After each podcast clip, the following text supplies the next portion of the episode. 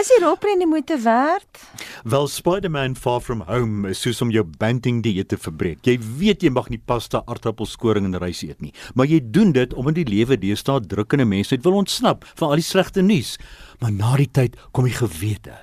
Jy het gesê jy wil nie meer vervolge sien nie waarin die storie opgeraak het nie. Tog het hierdie een Anita soveel charme en snoesige warmtaal, is dit nie vreeslik goed nie dat jy pens en potjies daarvoor val. Die kliseë van 'n oulike fliek geld hier. Een van die groot redes is Tom Holland wat die perfekte Spider-Man is.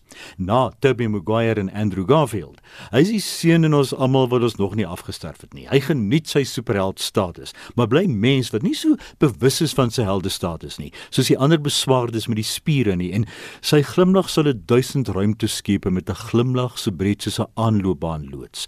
Ongelukkig pas die puikakteur Jake Gyllenhaal glad nie in die rol van Mysterio nie en hy lyk bietjie selfbewus. Maar as kan kaneelsuiker op die souskluitjies rondom jou hart, mag Spider-Man jou omklits. Spider-Man Far From Home kry 7 uit 10.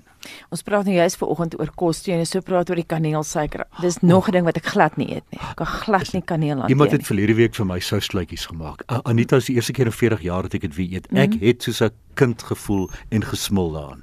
Ja, so baie mense hou van kaneel. Jy weet, ek dit is my heer, dit is spesiaal vir my kaneel gemaak. Jy weet, mm. kaneel aangemaak. Dit jy nou lekker geëet. Ek het lekker tussen my flieks geëet. Ja, as jy as jy 'n bietjie aanhang na die flieks, kan jy saam met ons kameelmelk drink, hoor, as jy lus is om te proe. Na die stories wat ek gehoor het, dink ek nie so nie. Hoorie so, Leon, luisteraars wat gek is oor die Beatles, mag dalk aanklank vind by Yesterday. Vertel ons daarvan. Let it be, let it be, let it be, let it be.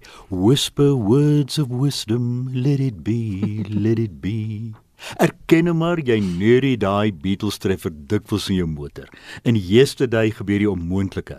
Nadat beurkrag die aarde tref, ja, en dit dan nie net vir ons nie, word alle herinneringe aan die Beatles uitgewis. 'n Sukkelende sanger komponeer dan die treffers.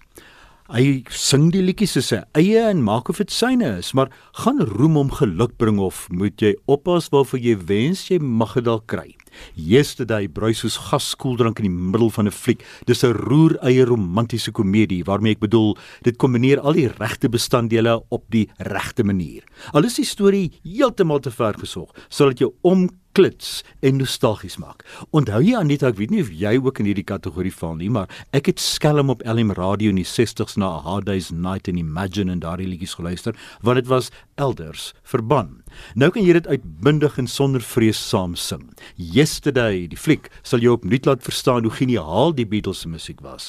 Alhoewel die storie soos ek gesê het vergesog is, moet jy jou oorgee, soos wanneer jy jou tande in 'n sjokoladekoek wegslaan. En kyk wat gebeur wanneer hy Jude skielik skielik hy dude word. Dink is Magdalene Creer se gunsteling woord hierdie. Dis champagne lekker vermaak yesterday met hey Jude. Wat is haar gunsteling woord sê? Dude. Dude. O, Magdalene, ja, toe, ek nee, sal later uitvind. Export, export. Klink nie so sy nie. Nee, nee, nee, nee. Die fenomeen die Stockholm syndroom is baie bekend en nou is daar 'n rolprent Stockholm, Stockholm syndroom. Vertel ons daarvan. Wel, raar soos dit klink, raak gevangenes soms op hul ontvoerders verlief. Dit is wat in 1973 in Stockholm gebeur het, toe ses mense as gijslaers deur bankrowers aangehou is, onder andere eksentrieke en flamboyante Ethan Hawke. In die fliek is dit net drie karakters, waaronder Noomi Rapace.